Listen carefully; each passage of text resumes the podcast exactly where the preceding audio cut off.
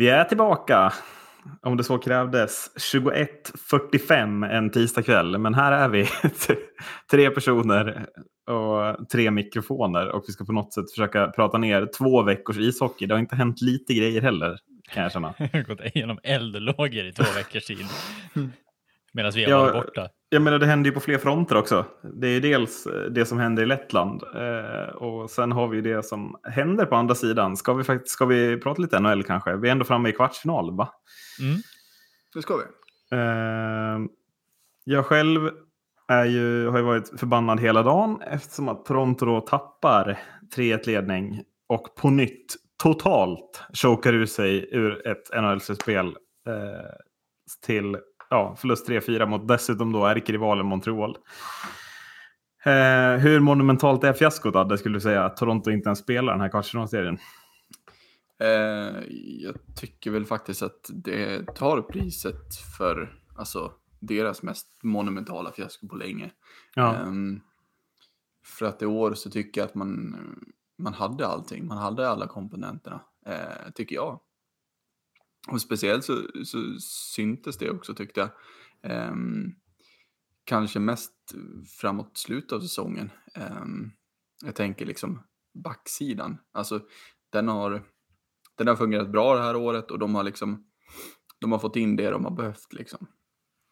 Um, så att, att de på något sätt lyckas liksom att bara um, ah, tappa det här, det är um, ja, det är sjukt hur, hur ett sånt här eh, skillat lag kan göra så. Eh, visst, Fredrik Andersen gick sönder under säsongen. Gia Campbell har varit helt fenomenal, så där finns det ingenting att klaga på eh, egentligen. Eh, det hade varit en, en skillnad om, om man såg en tydlig effekt på att Andersen var borta eh, och Campbell inte stod på huvudet som han har gjort i princip varje match känns det som. Eh, så att uh, jag vet inte riktigt vad det, vad det är. Uh, vi var ju inne på det i, i gruppen att det är väl lite läx modehockey att det sitter i, i väggarna här och det Ja, jag vet inte vad som ska till faktiskt. Ja. Ja, nej, alltså det, det är ju ett, oavsett vad jag tycker så är det ju ett Fel. Fantastiskt fel. ja, fantastiskt mycket fiasko. Nej, men eh, alltså, för jag, jag tyckte de gjorde. Ja, men jag var väl på med, med värvningen av Thornton och med backsidan var inte det absolut bästa ändå tycker jag heller. Men ja, de hade ju, det var inte det som var problemet egentligen. Nej, de alltså, visar ju under säsongen att det inte var något problem med de Nej. grejerna. Alltså, man blir ju etta i den här divisionen och man leder det här med 3-1 och man gör ju det rättvist. Man är ju dessutom bättre i den första matchen som man lyckats förlora. Ja, men Men det är, ju, det är ju så tydligt bara att liksom, det sitter ju in i alltså, varenda vägg i varenda spelares huvud. Det, det är ju bara William Nylander av alla spelare som på riktigt kommer upp i högsta nivå. Sen är det ju, eh, ja, Tavares är väl ursäktade som att han går sönder, men alltså Matthews är inte där, Marner är inte där. Det är, och de behöver ju vara där, kan jag Ja. känna lite. Eh, det, är, det är inte de som leder poängligan internt, och det behöver de göra även när slutspelet börjar. Mm. Och då blir det lite så här, ja men vad fan, gör något då. Alltså bara lös det här. Ja. Men, Ja, men eh, det- det, var... Det var ju verkligen, alltså, så att Mar- alltså Matthews och Marner hade ju kanske sin bästa säsong på, alltså av de här säsongerna som ändå har varit bra, så var ju den här säsongen alltså fenomenalt bra. Och man tänkte ändå att Matthews kommer kunna lösa en hel del problem för Toronto som skulle stöta på en del liksom, bra lag på vägen till en eventuell final. För att jag tycker ändå att ja, men, som det har sett ut och som vägen såg ut just nu så ser jag inte varför de inte egentligen skulle ha, ha tag, kunnat tagit sig till en final. Med tanke Nej, på men det, är hur bra det, Matthews det, det är det jag menar. Alltså, så här, det, det är ju i, näst, alltså, I nästa runda så väntar ju, nu är det Winnipeg, men på förhand är det ju Edmonton eller Winnipeg. Men det är ju inget motstånd som ska skrämma Toronto heller efter den här säsongen. De kommer man ju ganska långt före till sist. Mm. Utan det är väl snarare sen i semifinal, att där väntar ju troligtvis Colorado eller Vegas. Då hade man ju kunnat varit ursäktad om man åkt ut, kan jag tycka. Men det här, är ju, det här blir ju liksom så, man leder med 3 och tappar det, och så blir allting bara, det tar stopp redan nu. Då är det ju liksom, då är det ingen som kan vara positiv heller. Då får man inte med sig någonting positivt in i nästa säsong. Alltså som till exempel Colorado har fått nu. eh, från förra säsongen. Ja, men vi, då tar vi det nästa år. Liksom. Fansen är med på det hela vägen och det, det har gått Mm. hur bra som helst. Man gör ju vad man vill med St. Louis. Du måste vara hur nöjd som helst, Macke. Och sen börjar man ju resten med 7-1 Mm. mot Vegas. Alltså, Ja.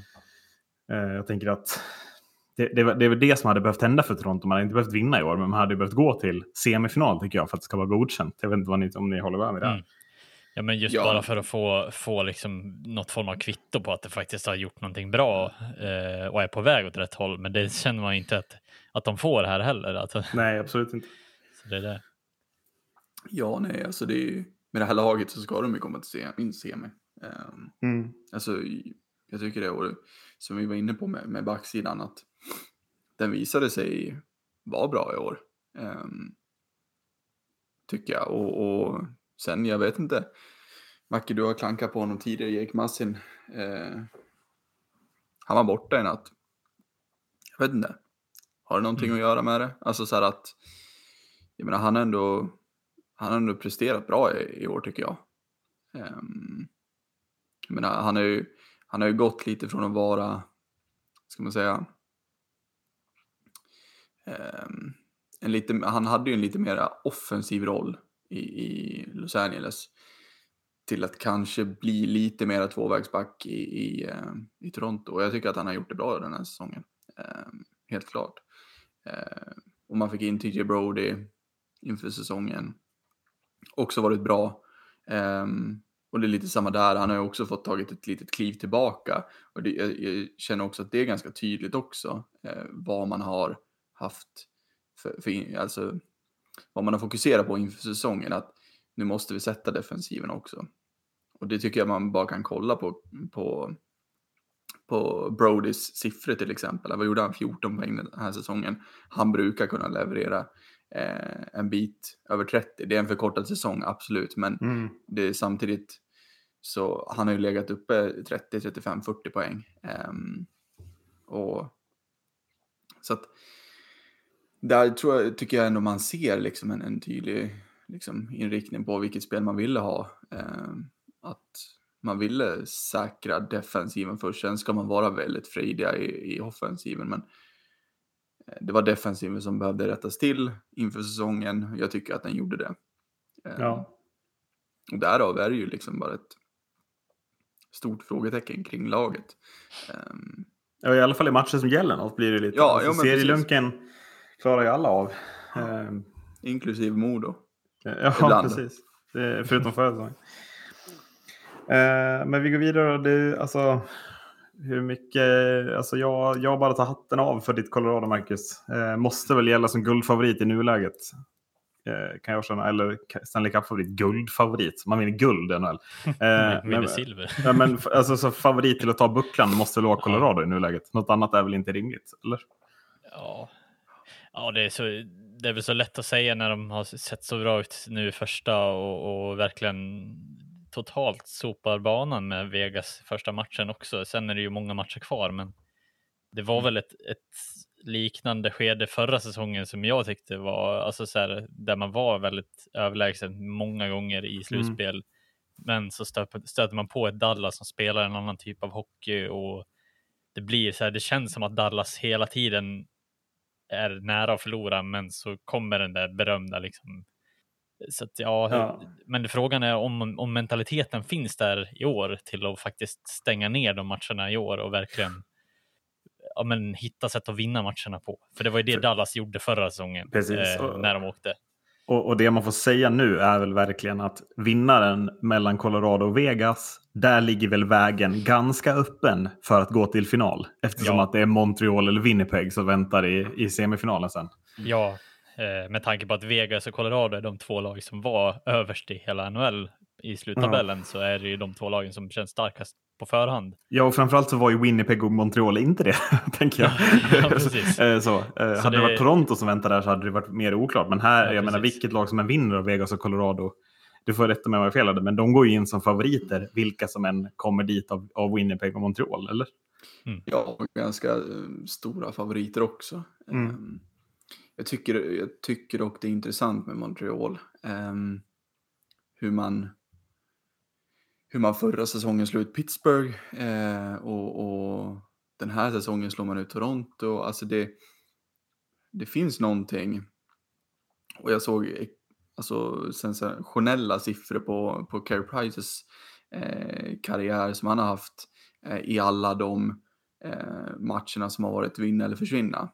Ehm, att där, han har vunnit sju stycken, han har förlorat två stycken. Eh, och han har 94 procent räddningsprocent på de nio matcherna.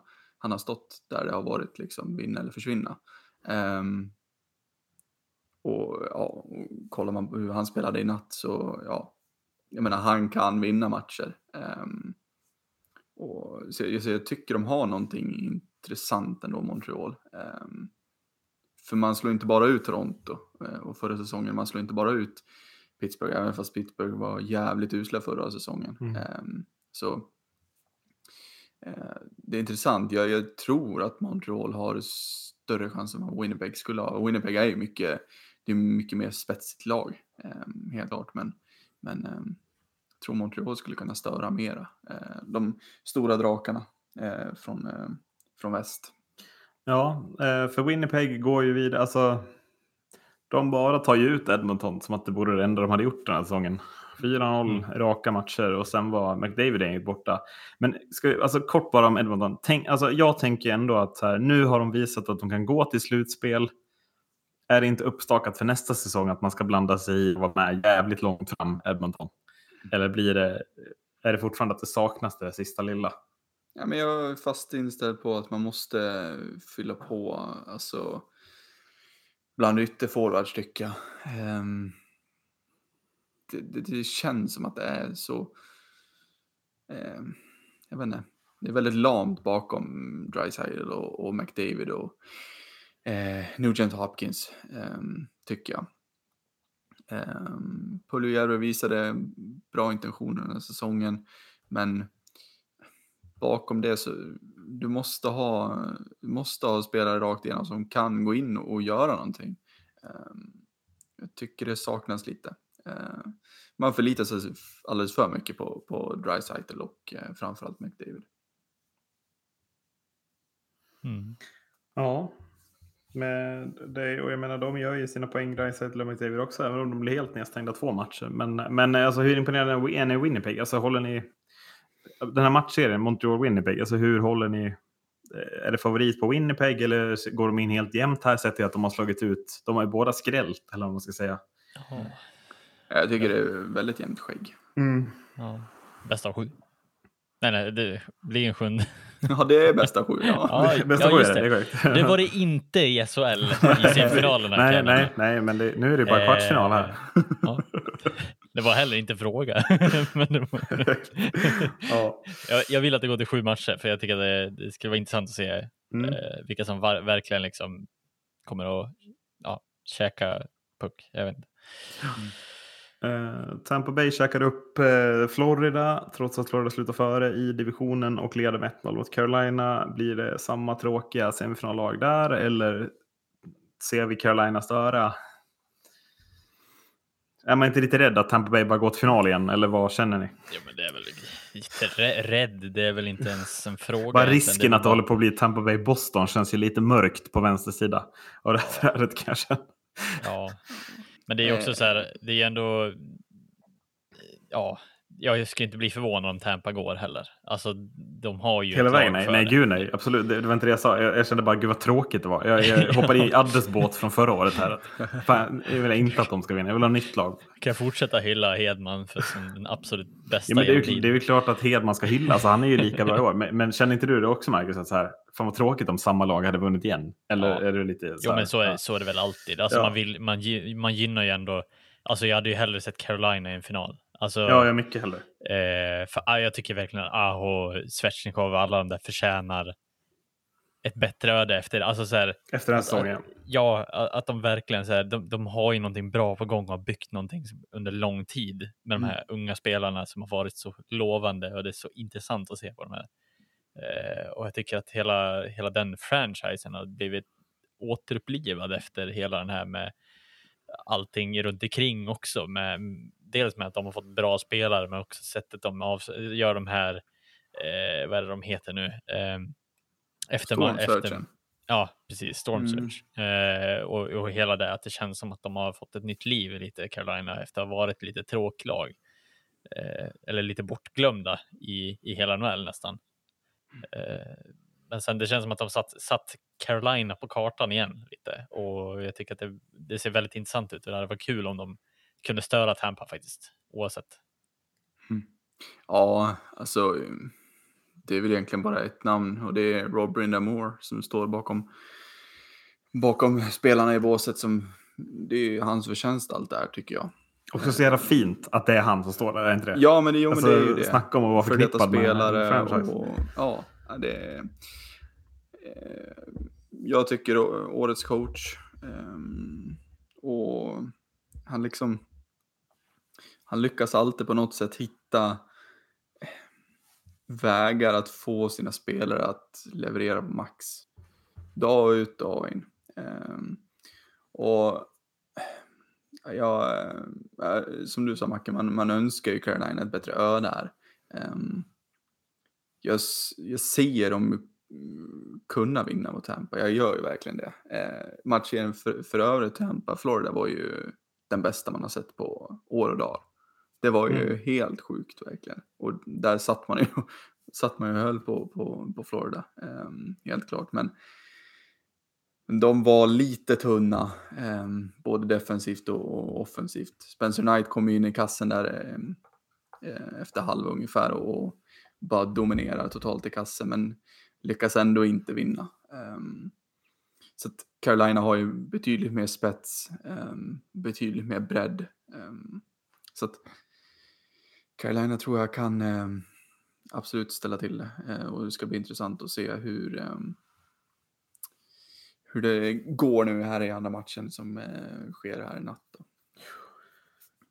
Eh, lite mini, alltså du sa ju inför säsongen att Washington skulle det var, det var lite, eller både Washington och Pittsburgh var du ju rädd för skulle liksom eh, choka lite eller gå dåligt den säsongen. Mm. De fick väl fel där just inför grundserien. Eh, det gick väl bra för de lagen där eh, mm. och de blir väl ett och tvåa i konferensen till sist, eller divisionen. Mm. Men du får väl ge dig själv lite minirätt för att de flyger ur det här slitspelet omgående och det känns ganska klart också. Framförallt Washington åker ju mm. på efter tidig eller första segern, men sen är det ju fyra raka Boston-segrar som, mm. som sköljer över Beckis gänget. Mm. Ja, alltså som sagt, grundserien var väldigt bra för båda lagen. Eh, jag tycker att ja, jag, jag trodde verkligen att det skulle gå, gå bättre för, för båda lagen eh, sett till hur grundserien såg ut. Eh, jag tycker framförallt så, så får ju Pittsburgh ihop ett väldigt bra kollektiv eh, rakt igenom och Malkin är borta under delar av säsongen, det, det liksom stör ingenting, de bara ångar på. Eh, för Malkin tyckte han, han var bra i år, men, men eh, eh, kom väl inte upp i slutspelet riktigt som, som förra året. Förra året var han ju värdelös den här säsongen. Så var han väl lite bättre, men, men ja, jag vet inte riktigt. Crosby kom inte riktigt till sin rätt mot Islanders. Islanders är tunga att möta, det är ju det är bara att, att lyfta på hatten för dem hur de spelar sin, sin hockey. Det är ju, kan vara tråkigt och sådär, men det är jävligt effektivt om man ska vinna en, en eh, buckla liksom. Ehm, mm. Så att, ja men och sen Washington som du säger, det är liksom, jag vet inte riktigt, det, där kändes det som att energin tog slut. Um, och, och så framförallt rejält. Bostons energi kommer, ja, som den alltid ja. gör i slutspel. Så är de där och ja. spelar som att de är liksom, guldkandidater. Det spelar ingen roll att de har blivit fyra. Liksom. Nej, ja. och det, det, såg jag ju verkligen inte komma. jag tycker verkligen, alltså jag tyckte ju att liksom, tappen av både Chara och av eh, Torrey Krug är, skulle vara alldeles för stora. Mm. Eh, för, för du tappar din bästa offensiva back och du tappar liksom, ja, din ledare. Um, men alltså Chara går ju inte att ersätta. Det är ju one of a kind och det, ja. jag menar, det är så mycket Hall of Fame du bara kan bli tänker jag. Så att... Ja, eh, så att ja, jag såg inte det komma att de skulle på något sätt lyckas liksom med det. Eh, jag tycker att Matt Greslick eh, kom in, kom in bra och fyllde skorna efter, efter Torrey Krug ordentligt. Um, och McAvoy är ju fin på backen och sådär. Så att, och sen att Pasternak, han var väl skadad i inledningen men, men eh, ja, har ju definitivt tuggat igång nu. Um, ja, men sen kommer ju en sån som Taylor Hall också. Är inte det en Ja. geni- alltså, vem, jag vet inte vem som är GM eller vem som ligger bakom den traden, men jag tycker det är en genial trade av den som Mm. är ansvarig för den i Boston. Alltså, det är 18 poäng på 23 matcher sedan han kom. Mm. Jag menar, det är ju mer än vad var. Alltså, ja, i, Ja. i, Buffalo gjorde han väl ett poäng känns det som. Typ. Mm. Nej, lågt såklart. Men, men att det, det är som fingertopp att få in en sån spelare. Eh, Mm. som kan han kan ju göra skillnad på sin bästa dag. Och det kan ju betyda vinst eller förlust i en match. Liksom. Ja, ja nej, den är... Och det, det blir väl lite så här också med, med tanke på hur, hur Halls karriär har varit, att den har varit liksom hypad detta i Edmonton, ja, och sen vet vi vad Edmonton Mm. är ännu idag, lite så. ehm, att det går lite upp och ner. Ehm, och det är väl så Halls karriär har varit. Kom till, kom till Devils i Adam Larsson-traden. Ehm, helt magnifik ena säsongen i Devils, helt klappkass andra säsongen. Ja, och sen är det Buffalo och ja, alla vet vi hur, hur taskigt det gick. Ehm, Ja. Så det är ju lite liksom gambling också. Ehm, men det är en otroligt fin gambling för att det är en otrolig spelare på, i sina bästa dagar. Liksom. Ehm, och han har haft väldigt många bra dagar eh, i Boston hittills. Så att, jävligt, jävligt snyggt. Hur mycket stör New York Islanders då? Kan de störa hela vägen? Det är 1-1 i matcher ändå. Eh, Och de, Jag tror på Islanders. mm. Ja. Dålig koll på Islanders. Jag vet, shit alltså. Nej, men alltså, Jag känner att de andra lagen har jag ändå så lite minikoll på. Men Islanders där, är, ja, det är Barzal och Eberle fortfarande som, som är toppkedja eller? Är Ja, ja nej, men så, så är det ju. Ja. Ehm, och Brock Nelson. Men det är mer kollektiv där, eller? Alltså, det är lite Montreal-feeling på det laget. ja, ja, Förstår du ja. jag menar? Att det, blir, det är lite en ny era av att bygga lag också. Ja. Toronto bygger sig väldigt framtungt exempelvis. Men att man ser Montreal, man ser Winnipeg, man ser kanske eh, Islanders. Att där byggs det lite mer bredare. Jag vet inte om jag, om jag är rätt på det här. Ja, men jag, jag, håller, jag håller med dig för att alltså, mm, det är lite mini, alltså mini Montreal kan man säga för att ehm, de bygger ju allting bakifrån. Um, gör de och det har de gjort det, alltså ända sedan Bertrots kom in. Um, sen att, jag menar man har Barcel som, som liksom, ska man säga, det, det känns som att han är ett, han är liksom en joker bara. Det är liksom, jag vet inte, jag, jag, kan, inte, jag kan inte säga att han är, att han är stjärnan i laget heller. Um, för det är att en sån spelare som man ser honom när han spelar, en sån spelare ska göra, alltså han skulle kunna ligga uppe på 60-70 poäng en, en sån här säsong. Eh, som är lite förkortad. Eh, men han hamnar, hamnar ju bara in på, på 45 poäng. Eh, så att, jag kan ju inte se honom som en stjärna riktigt, men det är samtidigt eh, deras liksom bästa offensiva hot. Ehm, och det är det som är lite intressant också, att det är väldigt mycket kollektiv.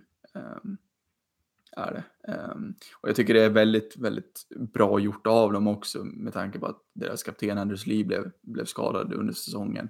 Ehm, och ändå liksom bara mala på, mala på, mala på. Ehm, så att ja, och backsidan det är den är magisk. Tycker jag. Älskar Adam Pelleck. Det är ja, ligans mest underskattade back tycker jag. mm. Det, Men det är lite det de bygger på, att vara underskattade. ja men det är ju verkligen så. Och jag Förlåt, menar, förlåt Marcus, för jag avbröt dig. Nej men och sen, och sen liksom målvaktsparet, eh, ryska björnarna i Sorokin och, och Varlam, Varlamov. Så, och de har ju varit jättebra den här säsongen. Så att, Mm. nej, eh, jag tror det är hårt på Islanders det gör jag. Ville du in något där Marcus, eller gjorde du bara ett ljud för att vi, liksom, Berätta att du Jag är vid liv. berätta att du Jag känner kvar? mig halvdöd. Nej. Nej, men jag, jag skämtar lite om att jag inte visste vem Pelek var. Tänkte det kan vara... Ja. Men eh, du får komma in här Marcus, vem, eh, vem tror du vinner? Eller hur tror du slutspelet, resten av slutspelet utformar sig? Så får vi se om vi kan. Ja, alltså så här, det, det är ju så, alltid så svårt att säga just i NHL. Det, Det är klart det är det. Det är väldigt- därför jag frågar. Ja, precis. Och därför ska jag komma med något expertutlåtande. Jag som har så fantastiskt bra koll på det här med tippning och grejer. Ja, ja, visst. jag, jag brukar alltid få rätt. Ehm, Men absolut, alltså Highlanders sa vi ju redan förra året var, var stekheta på grund av att, eller inte stekheta, men de är, de är så här underskattade av en anledning för att mm. de har ju ett bättre lag än vad, vad många tror. Och Islanders har ju alltid varit förknippat med typ ett alltså så här, sämre lag. Mm. Men nu har de ju faktiskt steppat upp och fått riktigt bra spelare och bra lag, alltså ett lag. Så nej, men det, det, det ska bli väldigt intressant att se hur utgången blir där också. Men eh, jag tror tyvärr att alltså, så här, de två olika sidorna kommer ju att, det kommer ju att stå mellan de stora eh, pamparna, liksom, eh, Tampa och Carolina. Hör, hörde du, jag höll på att säga Toronto som mm, var, ja, det var... Ja, det, det, jag räknar dem fortfarande som stora pamp. Ja, men, men jag men tror att det kommer vara Colorado, ja. Tampa eller Carolina som står på andra sidan. Eh, ja. Eller på varsin sida. Och så vinnaren mellan Carolina och Tampa har, har bra möjlighet att vinna det här? Ja, det mm. ja jag skulle bli förvånad om, om uh, Canadiens eller Winnipeg skulle gå förbi Colorado, uh, även om det inte är helt omöjligt. Ja, jag tycker du underskattar Vegas. Jag kanske var, jag gjorde det också från början. Men, men jag, jag, jag, landar nog i att jag tror att vinnaren mellan Colorado och Vegas är det de som går hela vägen. Ja, jag tycker jo, det, det är... Definitivt jag tycker det är utstakat. Jag tycker att det är Canadiens Winnipeg som du säger, jag tycker den är överlägset sämsta eh, kvartsfinalen mm. och jag tror att det blir alldeles för lätt och de får vila lite där inför att sen gå in all in i finalen och det kommer räcka. Mm. Ja, men givetvis. Jag, jag menar ju att vi, alltså, ja, vinna mellan Vegas och Colorado. Det, mm, mm. Det, ja, men Colorado jag, jag, tror jag håller Colorado som favorit i nuläget i och med att ni krossar dem så hårt i första matchen. Det ska jag ändå säga. Jag, jag håller Colorado som favorit. Men, men, man ska aldrig underskatta det här Vegas. Det har vi väl lärt oss nu efter de här åren. Nej, nej, det, det går inte. ja, hade expertutlåtande. Vem vinner Stanley Cup? Oh. Um. Jag... Um, jag... Åh, oh, fy fan vad svårt. Jag måste, jag, jag måste säga Colorado. Ja, det där var NHL. Vi ska väl, vi är på väg in i slutspel i hockey-VM. Och vi är det utan Tre Kronor. Eh, ja, alltså ja, det är Toronto och Tre Kronor va? Där har vi vårens stora fiaskon ishockeymässigt. det... oh. Alltså, vi lär väl börja med Sverige här innan vi tar övriga turneringen. Jag vet inte, alltså det har ju varit jag, jag, finner inte riktigt ord för, för hur dåligt ett svenskt landslag kan prestera ishockey stundtals. Eh, när man stundtals får se dem prestera ishockey som ändå håller klass för att gå till semifinaler i den här turneringen, kan jag tycka. Nej. Det... ja, det gör så ont inte veta att, eller veta att vi inte kommer att spela ens en kvartfinal. Eh, sen har vi ju sett fiaskon tidigare turneringar så, men det här är väl liksom det. Ja, det här går konst... väl till historien ändå. Alltså, ja, jo, men det gör väl hela den, här, hela den här turneringen går till historien. Ja, det gör den absolut. Den sämsta men, turneringen men, som genomförts. Men framförallt eh, Sverige gör det. Eh, och det... Ja, ja. Det är väl fler, fler som kommer in under den mattan också. Eh, Kanada sitter väl i samma. Nej, för de löste det ju till sist. Ja, de gjorde det. Jag. Ta med fan. Mm, de mm. gjorde ju det. Ja. Så att nu är det, då, då är ju lagen som har åkt ut eh, är ju då Italien, Norge, Lettland, Kazakstan, Danmark, Storbritannien, Belarus. Sju väldigt rimliga länder att åka ut hockey-VM. Och så då Sverige som, som lag åtta. Eh, och det är väl det är väl tyvärr lite synd att Kanada och de här lagen löser det till sist. Eh, det är ju fler som är nära. Tjeckien eh, är ju länge med och chokar också tycker jag, sett vad de har mm. Eh, men att de löser ju slutspelet och det, då står ju Sverige där själv kvar i skamvrån på något sätt. Kan jag tycka. Ja, ja men det blir, alltså, det blir så extremt vi kommer in så extremt konstigt i, i, i den här turneringen också. Uh, vi, vi får liksom ingen vi får inte igång någonting i princip första matcherna heller. Och det är väl lite, visst man kan skylla på att det är det som blir orsaken i slutändan. Eh, och det, men det ska ju, alltså de matcherna ska vi bara kunna, kunna vinna. Eh, Även om det, det kan börja trögt i en turnering så. Men, eh, Ja, men vi har ju också läge för en drömstart känner väl jag. Alltså, jag vet, alltså, hur mycket är det ett attitydsproblem då? Att man inte klarar av att man tar noll poäng mot Danmark och Belarus. Det är väl allt känner jag. Alltså, det visar ju allting när vi faktiskt kan spela hockey mot andra lagen. Jag menar, vi vinner med 7-0 mot Schweiz. Det gör man inte bara på en halv skridsko. Liksom. Så Nej, verkligen inte. även om alltså, så här, det spelar ingen roll hur mycket Schweiz inte kom till jobbet heller. Alltså, jag tycker inte att man, man ska alls eh, underskatta den prestationen. Och det visar ju verkligen på att det har, har med attityden att göra. Och sättet vi spelar mot Ryssland eh, tycker jag också visar på att vi kunde bättre från början, men vi var inte där riktigt. Och då är det ju frågan vad, vad är orsaken till det? Liksom? Vad, vart ligger liksom flaskhalsen någonstans? Mm.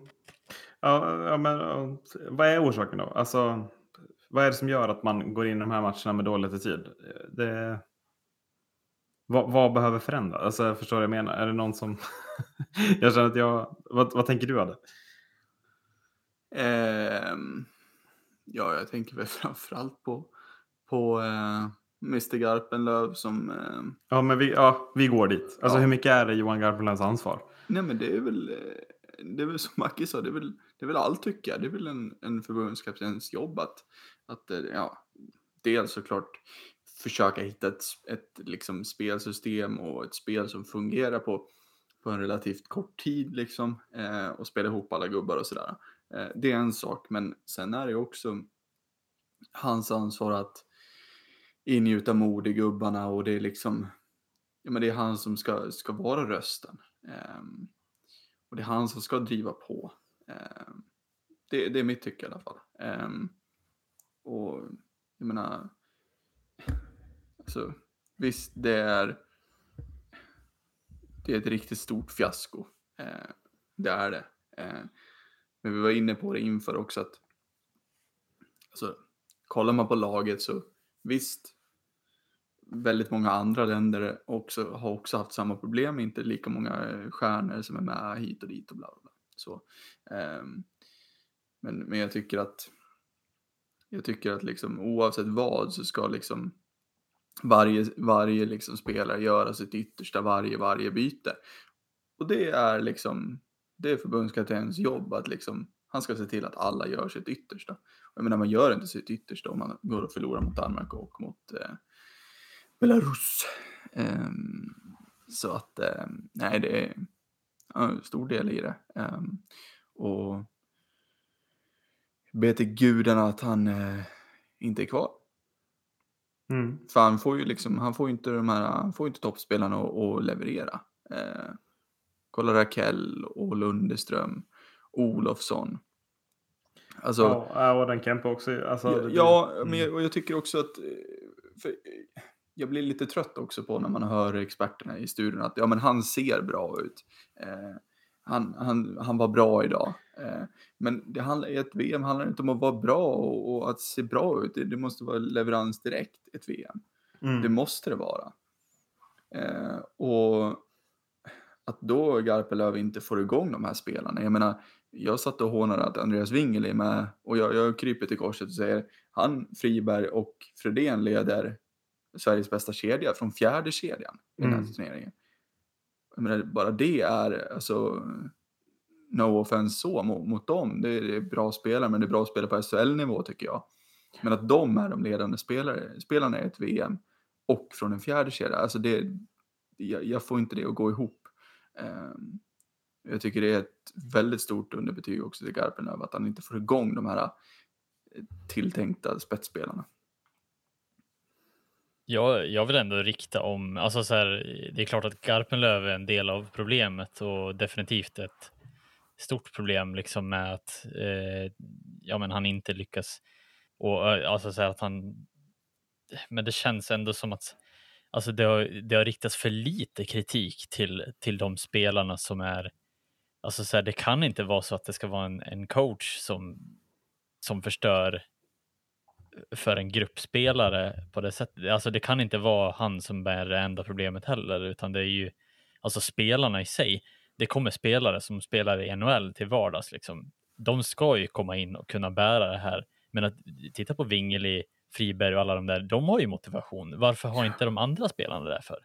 De försöker ju driva på det här, alltså svenska hockeylaget, som inte ens är kapabla till att åka skridskor på samma, i samma tempo som de gör till vardags.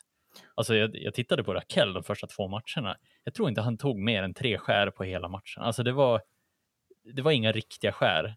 Sen när man börjar se honom mot, mot Slovakien och mot Tjeckien och mot Ryssland, ja men då börjar han åka skridskor helt plötsligt. Det var, det, jag tror att man, man kommer dit med en liten inställning att ja, men det känns ganska så, ja, men ganska så chill att hänga och, och spela lite hockey på lite lägre nivå. Medan man typ helt plötsligt blir förvånad att ja, men jävla fan Europa har blivit ganska bra ändå. Det, var, det kändes lite som att det var den, för att Friberg, Wingeli och och Fredén till exempel, alltså alla tre visade ju att man håller en högre klass än alla NHL-spelare vi hade tagit hem.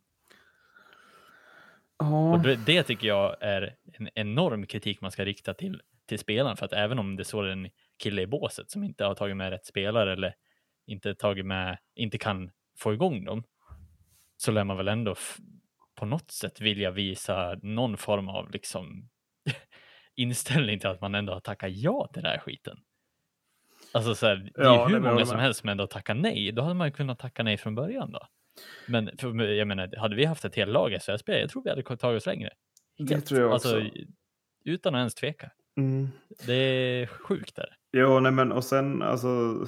Eh, sen tycker jag, alltså så här, jag, jag tycker ändå Alltså, jag, vet, det, jag, jag, tycker att främst, alltså jag tycker att Rakell och Olofsson de, de kommer inte upp på en nivå eh, som är, alltså den är inte tillräckligt bra och jag tycker att de ska ha kritik. Men jag tycker också, jag tycker att det är viktigt att vi verkligen kritiserar Johan Garpenlöv för jag tycker att vi ser en spelidé. Alltså vad, jag vet inte riktigt vad Johan Garpenlöv förväntade sig, men Sverige går ju in med en spelidé mot både Danmark och Belarus som på något sätt, det ser ut som att man tror att de här lagen ska pressa högt mot Sverige. Nej, Danmark står och väntar på Sverige i hela första matchen och det är inte en passning som sitter på Sverige. Mm. Jag tycker Johan Garpenlöv, han har liksom, in, alltså, dels har han då helt missat den grejen att så här, jaha, de, här, de står och väntar på att vi ska anfalla och så försöker de kontra. Det känns som att det blir lite förvåning, att, att man inte är förberedda på att så här, det här, vi kommer ha pucken, vad gör vi med pucken? Och spel, alltså spel, spel liksom, spelet funkar ju bara eh, med puck i en match i den här turneringen och det är mot Schweiz. För mot Ryssland, där, kan man ju spela, där spelar man en mer, där spelar ju Sverige den här försvarsriktade hockeyn. Då är det vi som står och väntar på Ryssland och utnyttjar deras misstag och då gör vi en bra match utifrån det. Men jag kan känna lite att eh, alltså spelarna fick heller inte den, en, en, en förberedelse av coachen att jobba med och då bli, då blir det liksom så här.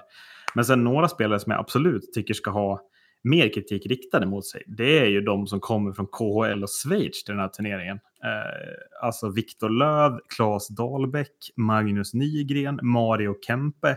De är ju, alltså, de är ju tvärusla. Alltså de är, de är komplett fullständigt katastrofalt dåliga. Jag fattar inte. Adam Reideborn visar, han hade ju kunnat gå in i vilket NHL-lag som helst. Han står också i ett KHL-lag. Men vad är, vad är det här för KHL-spelare? Mm. mm. Som är, de är ju helt, de är helt urusla. Nils Lundqvist är överlägset bästa back och Tömmerna ser bra ut så att han spelar tillsammans med honom. Typ. Mm. Men jag, jag, är på riktigt chockad att de här spelarna ser så dåliga ut. Och, och Viktor Löv i synnerhet är ju det. Där snackar vi någon som har gått in med hybris i den här turneringen så in i helvete och tror att han bara kan stå där med pucken och vara lite skön. Typ. Det är också, det får man inte, jag tycker det är också en del i fiaskot. Det är inte bara NHL-spelarna som inte... Nej för att framförallt har vi NHL-spelare på forwardsplatsen, men de får ju inte puckarna heller. Hur lätt är det för Viktor Olsson att få en puck och jobba men han aldrig får den på klubban? Det är där han måste få den. Han får den en gång mot mm. Ryssland på klubban, då åker förbi och sätter den. Liksom. Jag, det, ja, jag tycker det är lite ja. delat det där. Men, men jag tycker att Garpenlöv, är all, det är hans uttagning. Han har ju uppenbarligen scoutat de här spelarna för dåligt. Det är det mm. jag, jag kommer in på. Liksom. Ja. ja, alltså fan, SHL såg ut som världens bästa liga i den här turneringen. Ja. Alltså, så här, så det var ett tempo som inte alls fanns i någon annan kedja än den Wingeli, Max Friberg, för det. Alltså, de ska ha all, all heder till dem som ändå kommer in och ger sitt allt. Ja, men, sen nej, att de inte får ut sen, någonting men, mer men, än så, men Absolut. Men jag vet inte heller vad jag tycker. Men kan det inte vara lite tvådelat om man ser det här med Wingeli? Att så här, jag tycker fortfarande det var fel att Andreas Wingeli togs ut i den här turneringen. Jag tycker inte han håller klassen ja, spela för ett svenskt landslag. Och det är en kritik mot Garpenlöv. Men Wingeli, alltså all cred till honom för den turneringen han gör. Det är väl där någonstans vi landar kanske? Eller vad, alltså, ja. vad tänker mm. Jag menar så här, oavsett om det typ, ja men alla kan ju ha det motigt. Alltså så här, Mm. Kempe Olofsson och så här. Jag hade ju inte alls sagt emot om de bara hade så här, ja men fortfarande krigat 100 procent. Men det syns ju, alltså det ses ju så tydligt att ja men det, de hade inte alls ens närheten av samma tempo som de hade gentemot sig själva i början av turneringen jämfört med slutet av turneringen. För att de helt plötsligt inser att äh, vi håller på att åka ut, men då är det ju för sent. Hade ni haft det här tempot från början, då hade det här aldrig varit ett problem. Jo, men, känns- men, men för jag, jag tänker att en, en bra jämförelse är om man tit- tittar då på, nu får du hjälpa mig här, men om man tittar på Kanadas första kedja exempelvis. Det är Connor Brown, Ottawa, det är Adam Henrik, Anaheim och det är Andrew Mangiapane från Calgary. Hur skulle du bedöma de spelarna i, i jämförelse med Isak Lundeström, Rickard Rakell och, och eh, Viktor Olofsson? Eh, ja. Ehm, Lundeström och Henrik är väl ganska samma spelare, spelar i samma lag, eh, men jag tycker de är ganska lika så. Henrik är väl lite mer offensivt inriktad. Ja. Ehm, om man liksom jämför det så då, Connor Brown mot, mot, mot Rakell, det är ju liksom Men tycker det du att Sveriges kedja är då sämre eller tycker du det är ungefär likvärdiga kedjor? Nej, men jag tycker att Sveriges kedja är alltså bättre på pappret. Bättre på ja, Ja. Och, och då slutar alltså Connor Brown, Adam Henrik och Mandiapane. De slutar alltså tvåa, femma och sjua i turneringens poängliga i gruppspelet. Mm. Mm. Sen får vi liksom scrolla ner. Ja, alltså, Olofsson 44. Eh, jag Liksom, Jag scrollar och scrollar och scrollar. De, de kommer liksom inte fram. Jag, jag hittar inte. Lundeström här, 119 plats i poängligan. Ja. Strax bakom Nikolaj Mayer för fyra säsonger sedan. Jättebra i Troja i Hockeyallsvenskan. Liksom. Mm. Eh, Det är väl lite det här att så här, är det inte där ändå coachens uppgift ligger i? Att så här, de här spelarna har den här höjden. Men ja, är det bara attityder? Jag jag har så svårt att bedöma det. Jag tycker det blir...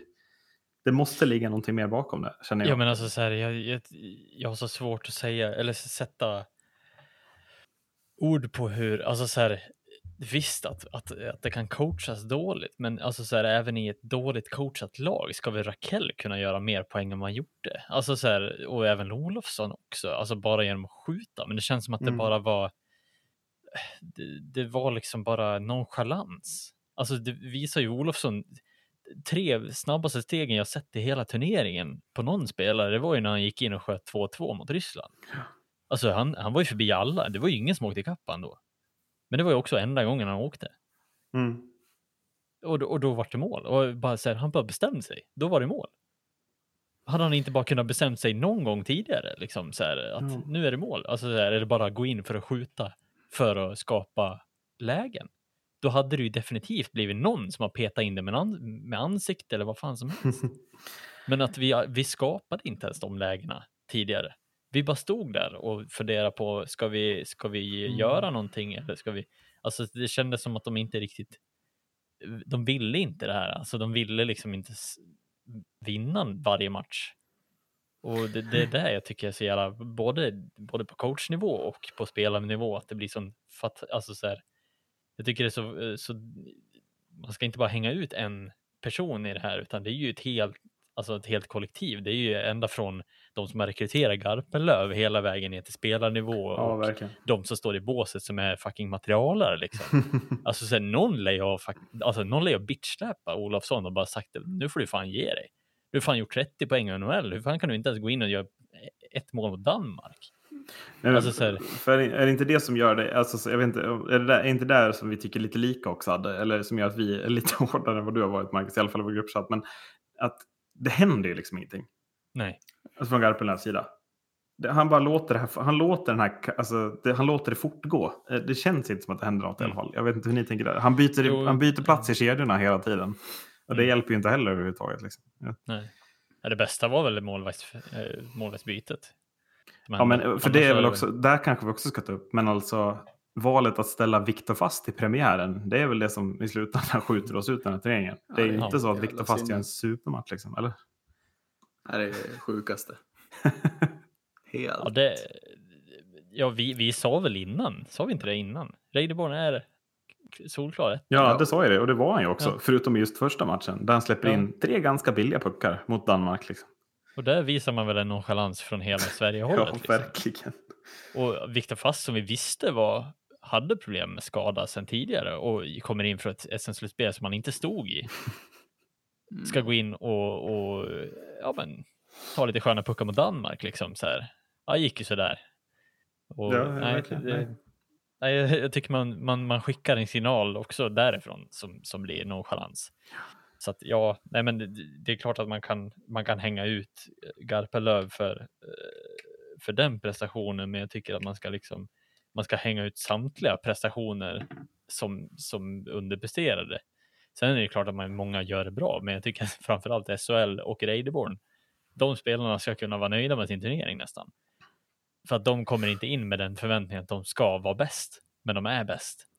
Nej, men jag menar, Jesper Fredén gör ju lika många mål som alltså Viktor Olofsson. Där pratar vi ju en enorm skillnad i godkänt, icke godkänt kanske. Ja. Men, men eh, ja. Eh, Fredén, Fredén jobbar ju 100% för att göra de målen också. mm. Hade Olofsson bara gått in en gång på mål och kanske tagit en retur också, kanske han gjort, ett eller två, tre mål till. Men det vill han ju inte heller göra. Så att, Mm. nej. Frustration är ordet som sammanfattar Du är, alltså, är, här- är inte Marcus lite argare än vad vi trodde ändå? Eller? Ja, jag trodde att han skulle komma hit och säga att ja, men vi spelade ju bra faktiskt. ja, men det är ju det som frustrerar mig mest. Att vi faktiskt var bra. Det är ju också så här. Fast, mm. Ja, men alltså, förstå, förstå mig rätt. Det gör ju mig arg att, att vi ja. nonchalant inte tog vara på att vi, vi hade mer. Även om vi var dåliga så hade vi ju mer att ge mot Danmark och Lettland. Eller inte Lettland. men- Belarus, ja. Belarus. För, säger det igen. Vi var inte bättre. Men också, det, för det där var det ju många. Ska vi gå in och såga SVT-studion lite? Det är nästa Ja, segment. Här. Men det, var- hela SVT-studion sitter ju sedan efter och säger att ja, men Sverige hade inte så bra lag. Vi borde ha gått i slutspel men kanske inte mer. Men herregud, titta på de andra lagen i den här turneringen. Det, det är inte så att Kanada ställer upp sitt bästa jävla lag när Connor Brown är deras bästa ytterforward. Liksom. Mm. Finland, de kör ju med sitt, de kör ju med, ett, alltså med de kör exakt samma lag typ som de gjorde när de vann. Då hade de inte heller några NHL-spelare. Det är bara att de har ju fått ihop det och fattat att om man bara krigar och spelar för laget så räcker det ganska långt i hockey-VM. Liksom. Mm. Mm. Alltså, jag menar Tyskland, hur bra, lag, hur bra är det laget på pappret? Det är några lirare från DEL och NLA. Liksom. Mm. Det, det är inte bättre än Sveriges lag på något sätt. Och sen är det ju, vi pratade ju, alltså Ryssland är ju favoriter och de är det bästa laget. Det, det säger ingenting om. Och även USA har ju visat, men USA hade ju inte heller, alltså, menar, det, de sågade vi totalt. De vinner grupp B. Mm. Och, alltså, visst, Sverige hade inte så bättre, men jag menar semifinal var väl inte på något sätt konstigt att kräva av Sverige. Med det pappret. Tycker inte jag. Verkligen Nej. inte. Nej, vi hade ju definitivt mer att hämta i, i våra, alltså så här, på pappret mer kapacitet. Ja. Och jag, jag, hade, jag hade ändå förhoppningar om att vi skulle få se ett lag som, som ändå var intressant att se. Alltså som så här, ja men vi var 19 debutanter och en ny coach och ändå så här, ja men det kändes lite som att så här, fan, ja, nu har de chansen att visa sig på den stora scenen för svenska folket. Och, och att ingen kände så är ju lite oroväckande Mm. jag hade ju verkligen hoppats på att säga, men fan nu får, eh, nu får de liksom sitt genombrott här i, på den internationella scenen. Liksom. Folk som inte har varit med, jag menar Rakell har ju varit med och vunnit förut, men, men Olofsson och, och Lundeström och alla de här som Jo, här men menar, hamnar om man tittar på Sveriges lag. Är det på riktigt orimligt att kräva semifinal av laget? Det är dit jag vill komma. För det lät Nej. så på studion. Tycker du det? Alltså så här, Alltså, nej, för jag tycker att eh, både Rakell och, och eh, Olofsson ska ju kunna, liksom, de ska ju kunna ha gjort 10 poäng redan. mm. Alltså, så bra spetskvalitet besitter de ju. Och kanske framförallt Olofsson med sitt fantastiska skott. Som han har liksom gjort hur mycket mål som helst i NHL liksom. Eh, och det liksom, det bara vill, det bara, det bara vills inte. Och, Ja, men det, det, hade, det inte varit orimligt att kunna ha alltså, samma typ av leverans som, som Buffalo har med, alltså så här, med Lundqvist, Olofsson, den, alltså så här, skapat den kemin däremellan och Rakell på andra sidan. Mm. hur är det? Alltså det är ju inte en dålig uppställning. Nej, men han har ju inte ens inne Rakell och Olofsson i samma powerplay femma. Jag tycker, eh, förlåt, men jag landar mer och mer när jag tänker på det här. Ja, alltså, ja. hur kan, alltså, vi kan inte ha kvar Johan Garpenlöv. Vi kan inte ha det. Det är OS om ett år. Då kommer den elitproffsen igen. Alltså, jag, jag tänker inte ha väntat sju år på att vi ska komma till en OS-turnering och Garpenlöv coachar bort oss så att vi åker ur i gruppen. Det, det, det pallar jag bara inte. De, vi måste vidare. Då måste vi ha coacher som är bra. Något annat går bara inte. Ja, jag är bara rädd att så här, det är ändå några som har suttit och beslutat om det här och att det kommer att landa på någon fel coach igen i så fall. Det är det som jag är mest rädd för. Jag vill ju liksom se att det är någon kompetent som vi, ja men Penneborn som vi nämnde också. Eh, eller vem, vem nu annars det skulle kunna vara, men eh, ja. ja. Det är lite oroväckande i alla fall att det, att det går så här dåligt. Fastän vi har ett bra lag. Mm. För jag tycker inte att vi ställer upp med ett lag som, som inte ska ha chans mot Danmark. Men eh, ska vi stänga Sverige-segmentet? Alltså, Ja. eh, och jag vill stänga det med, alltså, Adde, vad, vad, är, vad tycker du? Kan, alltså, vad, borde, vad borde vi göra med Johan Garpenlöv? Eller ska vi säga något mer? Jag sa just det. Vad, ska vi säga något mer om SVTs studio? Har ni någon åsikt där? Nej men jag tycker, alltså, det var väl en bra liksom första, mm, liksom, ska man säga, det såg proffsigt ut för en gångs skull tycker jag. Ja, dekoren tänker du på? Den Ja, ja, precis. Eh, Det såg proffsigt ut liksom för en gångs skull. Det är väl egentligen bara eh, VM, fotbolls-VM 2014 som jag kan tänka på som var lite, alltså som var proffsig också. Men sen är det ju, Mm. sen har det varit liksom dåligt, tycker jag. Ehm, men sen, ehm, ja, sen eh, har man ju inte liksom den kvaliteten som, som de andra bolagen sitter på. Eh, som Nej. Viaplay och, och, ehm, och More. Vad, vad tycker ni om valet att, att ta, alltså det, det här segmentet som vi har satt har, där Erik Granqvist ska förklara hur en målvakt använder klubbhandsken exempelvis. Vad tycker ni om SVTs val att ta in det segmentet även i den här VM-studion med Kim Martin? Jag tycker att eh, Kim Martin, ehm, alltså, hon hade inte behövt göra det där. Alltså, Nej, verkligen. hon, hon var, jag tyckte hon var, ja, jag tyckte hon var bäst tillsammans med, med Rönnberg eh, i den där studion. Ja. Mm. Ehm, och att hon ska behöva hålla på och liksom, ja men det, det är en grej när Erik Granqvist gör det. Alltså, men, Ja, men alltså, är det inte är det, bara- Sveriges tråkigaste, alltså, det är väl det tråkigaste tv-segment som Sverige har. När Jo. Erik Granqvist tar på sig han- plockhandsken och ska Ja. rädda honom. Jo, precis, men han har, alltså- ju- han har gjort det till sin grej. Och det, Ja, men precis. Det, det, då- är det, är det hans blir grej. ännu sämre än SVT gör det. Precis. Jag, jag tycker allting som inte Granqvist är med på är bättre. Så jag ser hellre Kim Martin ta på sig hockeygrejerna Ja, än för att ja, jag vet inte. Granqvist han snackar mycket. Och, ja, jag vet inte. Det bara. Det blir för mycket tycker jag. Ja, ja nej men just att Ja. det där segmentet, alltså, det behövdes verkligen inte. Alltså bort med allting som in... Och det är likadant med så här domarsegment. SVT hade ju med, vad var det, Jonas Eriksson på något fotbolls-VM. Mm. alltså det är så tröttsamt tråkigt som man blir... eh, Jag blir, jag blir irriterad sist. men Roger Rönnberg är väl det, det kan vi stänga tv men det är väl bara att inse att alltså så här, när karriären är över för Roger så måste han ju in i, i den bästa tv-studion. Det är ju sån total klass. Ja. Mm. Nisse Ekman då? Vad gör vi med han? Såg ni den här matchen när Nisse Ekman simultan kommenterade eh, när, en, när en besviken tysk åkte fram och tog emot den här matchens lirarpris? Nej. Snälla. Jag hörde det faktiskt. Liksom, det är liksom man konstaterar att tysken ser besviken ut. Han åker fram. Alla ser det på tv-bilden. Det är exakt det han gör. Liksom. Det är ot- otroligt tv-moment. Ja. Eh, dagens torsdag Nisse Ekman. Men vi tar en bumper nu och så pratar vi lite övriga VM också. För det är ju eh, fler lag som har spelat. Det har varit ett långt Sverige-segment. Jag tänker att vi kan ta det lite kort. Eh, jag är mest imponerad av USA som alltså tar flest poäng av alla lag. Eh, trots att vi totalt sågade deras uppställning. Mm. Håller ni med? Ja, ja. det, ja, men det måste man väl göra ändå. Alltså, och Man visste, ju- man visste inte att VM skulle bli så här äh, som det blev eh, till slut. Um, så att jag vet inte. jag vet inte om man ska krypa till korset eller om man ska göra, men äh, det, eh, det är ju inte ett bra lag. Det, det är ju bara att liksom se det. De, visst, ja, nu får man väl på sig några, eh, några liksom eh, lyssnare, men det, alltså, det, är ju, det är ju inte ett bra lag.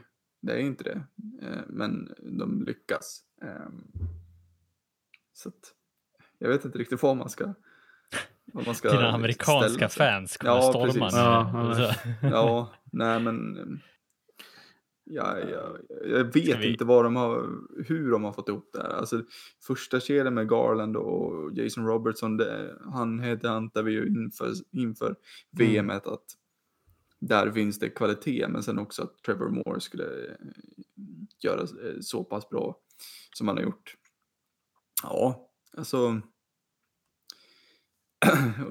och det blir, som du sa Erik, med det här med Garpenlöv, ju mer du tänker på det desto mer blev det hans fel. Och det är lite så, så när jag sitter och kollar på, på truppen nu också. Ju mer jag kollar på den desto mer förstår jag inte hur de har tagit mest poäng.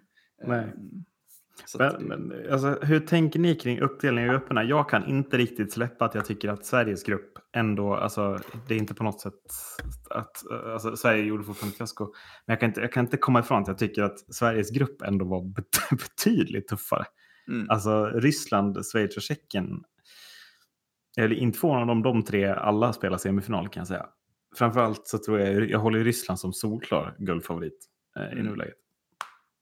Mm. ja, jag håller med. Helt klart. Eh, ja, nej, jag, det, liksom, så här, jag kan inte komma ifrån eh, att vi inte har ens nämnt den. Men alltså, alltså så här, vad fan, det, det är inte den, bland den sjukaste VM-turneringen vi har sett på väldigt länge. Ja. Alltså hur många skrällar har det varit i det här VMet? Alltså visst att Sverige åker ur, men hur många skrällvinster har det varit? Ja, Kanada har, ju, har ju torsk mot både Tyskland och Lettland exempelvis. Ja, de- slog ju någon form av världsrekord i, i att förlora mot Finland All- torskar väl mot ja. Kazakstan eller vad fan gör de? Ja. Kazakstan tar 10 poäng också i grupp 2. Det är ju helt sjukt. Ja, men Liam Kirk ligger trea i poängligan Ja, tror ni han går till Mora eller? på Storbritannien. Kämpa. Han går ju till Tampa Bay för fan. Ja, men det, är- det är så kämpigt i Mora-lägren nu. Man har tittat ut den här spelaren. Gör sju mål i VM och sen är han förlorad. Liksom. Det Ja. Jävla. V- Vem hade spått att Storbritannien, ja, en från Storbritannien skulle göra så många mål? Han gör alltså mer poäng än. Rakell och Olofsson tillsammans. Ska vi notera. Ja. I Storbritannien. Ja. Nej, men alltså, jag, jag vill bara belysa liksom hur, hur sjuk den här VM-turneringen är. Med, alltså så här, Men sen också, alltså, det, som är, det som ändå är lite tråkigt är att det är många skrällar. Men när man tittar på, alltså, i slutändan så är det ändå exakt alla de lag man förväntar sig skulle åka ur och Sverige. Alltså missa slutspel. Tyvärr, Mm. tycker jag. ja, är jo, bara- jo, det så kan man inte komma ifrån. Det, nej, det är det som är lite surt. Att det inte så här, det hade varit kul om Kanada också missade så att det bara liksom bara fortsatte vara ett Mm. skräll-VM på något sätt. Men det var, det var liksom den, den, sjuka kombinationen av att alla vinner mot alla. Det var, det, här var det verkligen så. Att det kändes som att ja, de vann över dem och så vinner vi med 7-0 över Schweiz. Schweiz vinner med 1-0 över Danmark och så blir det liksom så här, det vappar fram och tillbaka. Så man vet inte vem som kommer vinna över vem. Och ja, Schweiz vinner med 8-1 över Slovakien. Liksom. Slovakien ligger etta hela VM och ja, vi vinner med 4-2 mot Slovakien. Alltså så här, Ja, men Slovakien ju- slår ju Ryssland dessutom. Alltså det är Rysslands enda Ja. torsk. Det är det som tar Slovakien till det här slutspelet. Det får man ändå säga. Annars är det Ja. ju Sverige som tar den istället. Som att, alltså, så, om Ryssland Ja. vinner planledet där så, ja, så nej, Slovakien är eh, starka. Ja, verkligen. Men eh, jag, jag, jag, vill, jag vill eh, rikta en oväntad hyllning här Mhm. Till mig? Till Adde. Ja, precis. Det hade varit oväntat. ja. Nej, men eh, en sjukt oväntad hyllning. Jag vet att jag nämnde det här innan eh, podden, men jag vill rikta den till Kazakstan. Mm. Eh, och inte, det är inte för att de vann alltså, så här mycket matcher, för det var, gjorde de ju väldigt bra. Liksom. Alltså, så här, de vann ju oväntat mycket matcher och de, de var ju, det var ju oväntat jämnt i de matcherna. De, tar alltså, de åker alltså dit på inbördes möten mot Kanada. Ja. Ja. Ja, Eh, det, det är också helt sjukt att Kanada kan vara nöjda med det. ja. eh, jag vet, men- ja. Det jag vill rikta till Kazak alltså, Kazakstan. Nej. Jävlar vad vass de är på straffar. Ja, ja, men jag, jag har sett många straffläggningar. Jag tycker det blir väldigt mycket mål på straffläggningar. Jag såg straffläggningar alltså- mellan Danmark och Tjeckien. Tjeckien satt typ fyra, fem straffar. Det var helt sjukt. Ja, men alltså, det, det är inte bara så här, de, de är inte sådana här, ja, vi åker in och så skjuter vi tunnlar som det var Sverige-Ryssland, de sköt ju fyra tunnlar i rad eller något sånt där. Mm. Det var ju riktigt snygga mål också. Alltså, så här, de, Mm. det, de var ju typ specifikt tränade på straffar, för de, alltså, det var ju typ tre pers i deras lag som var helt brutalt på straffar. Det var bara någonting jag tänkte på, men det, det, de ägde ju sönder när det väl behövdes liksom, på straffar. Ja, men verkligen. Alltså, men ja, det är synd att ni inte kan hålla med mig här. Jag vet inte riktigt, har ni jag har inte sett sett några straffarna? straffläggningar Nej. med, med Kazakstan. Det är mest det. Men eh, jag håller med. De borde landa på highlights. Ja, Alltså det, ja, de vinner ju definitivt. ändå. Är det typ två, tre straffläggningar den här turneringen som de bara går in och vinner? Eh, två är det. Två. Så Finland och är- Lettland. Ja, Vi kan ju kolla här. De sätter tre av fyra straffar mot Finland. Och de sätter eh, tre, fy- fyra av åtta mot Lettland. Mm. Så ja, det är mer, mer än vad de missar. ja. ja, men jag tyckte att det var så sjuka straffar också. Alltså de gjorde verkligen spektakel av det också. Mm. Jag har, två, jag, jag har två grejer Ja, som jag tänker på. Dels vill jag hylla mig lite själv. För när vi, jag kommer tillbaka till, till USA eh, och när vi gick igenom deras trupp och sa att oj, oj, oj, här blev det inte många poäng. Eh, men att jag tog upp att eh, jag tyckte att deras målvaktssida ändå var ganska eh, bra. mm. Ehm, med eh, Jake eh, Ottinger och ehm, Cal Peterson. Och ja, Cal Peterson landar in på, på 96 procent efter eh, gruppspelet och Ottinger eh, in på 94. Ehm, så att eh, där vill jag klappa mig själv på axeln. ja vi klappar tillbaka också. Ja. Eh, sen också Tyskland tycker jag det ska bli intressant. ja faktiskt. gud vad de ska hyllas tyskarna alltså. Eh, Jag tycker att det kommer bli jätte, jätteintressant att se. Eh, såg Micke Renberg var ju så jävla eh, deprimerad eh, i, i studion direkt efter matchen nu här i, ikväll eh, som var mot letterna och sa att eh, de såg så jävla trötta ut och, och samtidigt så tyckte Håkan Loob att eh, spelar tyskarna så här så, så kan de välta många lag. Ehm, och jag är väl i eh, Loobs ringhörna. Mm. Ehm, tycker att Leo Födel ehm, är ju helt magisk. Eh, Födel, Reichel och um, Nöbels är ju helt magisk kedja. Eh, Helt magiska namn. ja, det, det är helt otroligt. Eh, ja, det är det, det också, men det... Och Reichel var väl borta en match var han ju. Ehm, men var tillbaka eh, ikväll då mot letterna och den kedjan, jag, jag såg inte det komma. Reichel vet man ju lite om och vet att ja, men, han är ung och lovande och sådär. Um, men Nöbels och, och Födel såg man ju inte riktigt det komma liksom. Det var ju verkligen inte spelare man hade koll på. Så att, att den kedjan skulle leverera som de har gjort, det, det såg jag inte komma. Så att, um, är riktigt imponerande. Ehm, Och sen från backplats, Moritz Seider fortsätter ju bara att vara mm, Alltså jag, jag, kan, tycka- jag tycker han är... Alltså han, är, han är ju lätt Sveriges bästa back om han byter landslag. Liksom. Det, det är bara så enkelt. Han, han, är, han går ju rakt, borde gå rakt in i NHL nästa säsong. Något annat ser jag som helt orimligt. Jag tycker han är dominant på isen stundtals, även i VM. ja, ja, men verkligen. Eh, Och, och Nils Lundqvist, om vi ska komma lite tillbaka till Sverige, visade väl stundtals samma i- liksom där. Att vi, vi fick ju rätt där eh, inför Ja, turneringen. herregud. att det här var ju Nils Lundqvists stora show. Det var ju otroligt tråkig skada, tycker jag det på är så honom. tråkig skada. Men, men jag tycker också att man ska inte bara stirra sig blind på, på, på Sider heller. Han gör ju fyra ass och, och sådär. Men den riktiga ledaren på backsidan tycker jag är ju Corbinian Holzer som ja, var han plus sju bäst i laget. Ehm, Ja, ja, men absolut. tre ass. Han drog väl på sig några utvisningar visserligen, men, men um, riktig ledargestalt på backsidan. Så att, alltså de har, de kanske inte har den, eh, ska man säga, riktiga spetsen, men de har ju gott om kvaliteter, de här tyskarna. Så att, ehm, och ja, får gå tillbaka till Micke Renberg. Han trodde att Schweiz, alltså schweizarna skulle köra över tyskarna. Typ. Mm. var väl ungefär det han sa rent ordagrant. Ja, nej, det kommer Ehm, inte hända. och såg finnarna och Slovakien, eller USA och Slovakien som mer öppen match. Och, ja.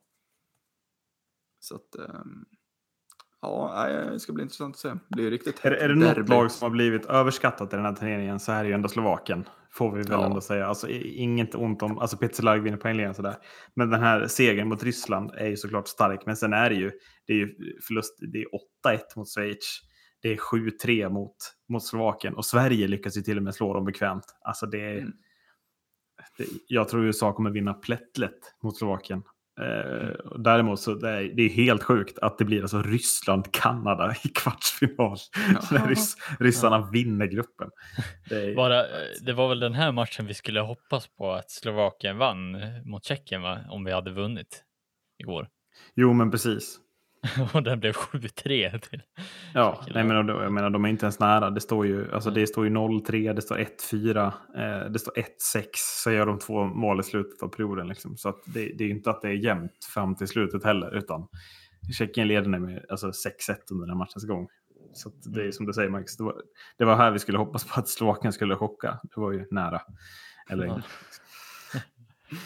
Eh, mm. Hur hur många matcher? Eh, fan, det känns som att det- känns så jäkla konstigt att Kanada gick, tog sig vidare. För det känns som att de förlorade i princip varannan match.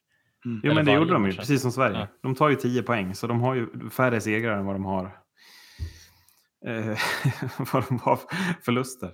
Och ändå tar är det helt, Ja. det är helt sinnessjukt. Ja, men som sagt, Sver- Sveriges grupp var väl tuffare. Det får vi väl ändå Ja. konstatera. Jag tror Sverige går vidare om vi spelar den andra gruppen. Eh, Mm. men, men ja. Eh, Ja, men det visar ju verkligen på liksom så här, vad fan. Kanada kan liksom inte ens göra, de gjorde inte ens fyra mål mot Kazakstan heller och de är liksom så här. Eller de gjorde fyra mål Kazakstan. Men al- alltså så här, det, det, blir, alltså så här, det, det känns som att de är så, de är nästan sämre än vad Sverige är och ändå lyckas de ta sig vidare. jo, Så men att, ja, definitivt. jag tycker att det ja, det är som du säger, den, är, den kändes mycket, mycket, mycket starkare. Men eh, vi ska väl avsluta bara med lite kort till om Garpenlöv. Men sen måste vi ändå inte nämna eh, ishockey-VMs genom tiderna sjukaste period också. Eh, jag vet inte om ni har koll på den. Ja, jo, gjorde väl åtta mål i samma. period, eller? Italien, Kazakstan. Eh, ställning i sista perioden 1-3. Slutresultat 3-11. Vi ser alltså 2-8 i sista perioden. Eh, jag vet inte om jag någon gång har sett det hända i någon hockeymatch överhuvudtaget. Inte ens på liksom division 1-nivå, eller? Nej, framförallt att det är Kazakstan som gör det. Ja. Kazakstan gör åtta mål. Ja. Ja, det är helt galet.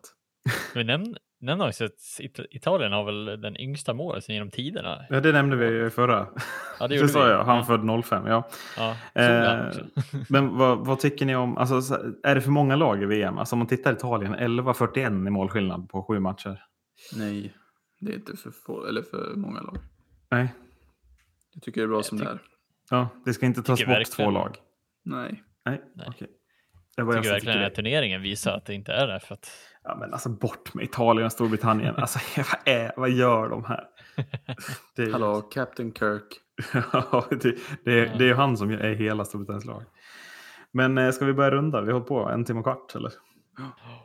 Eh, slutord då. Ska, borde Johan Garpenlöv träna Sverige OS 2022? Andreas Elfvik. Eh, nej. Marcus? vi avslutar med debatt. Jag tycker att man får stå sitt kast nu. man har valt honom, då får man fan eh, ro vidare på det här. Boo. Och jag säger att Det det, år, borde han inte göra. Eh, och vi hinner ersätta honom om vi skickar honom nu. Eh, vad borde Sverige ha gjort om vi skulle ha vunnit lite fler matcher i den här turneringen? Skickat sarg ut. Skulle skickat Sverige ut. Tack för att ni lyssnat. Hej då! Hej då. Hej då.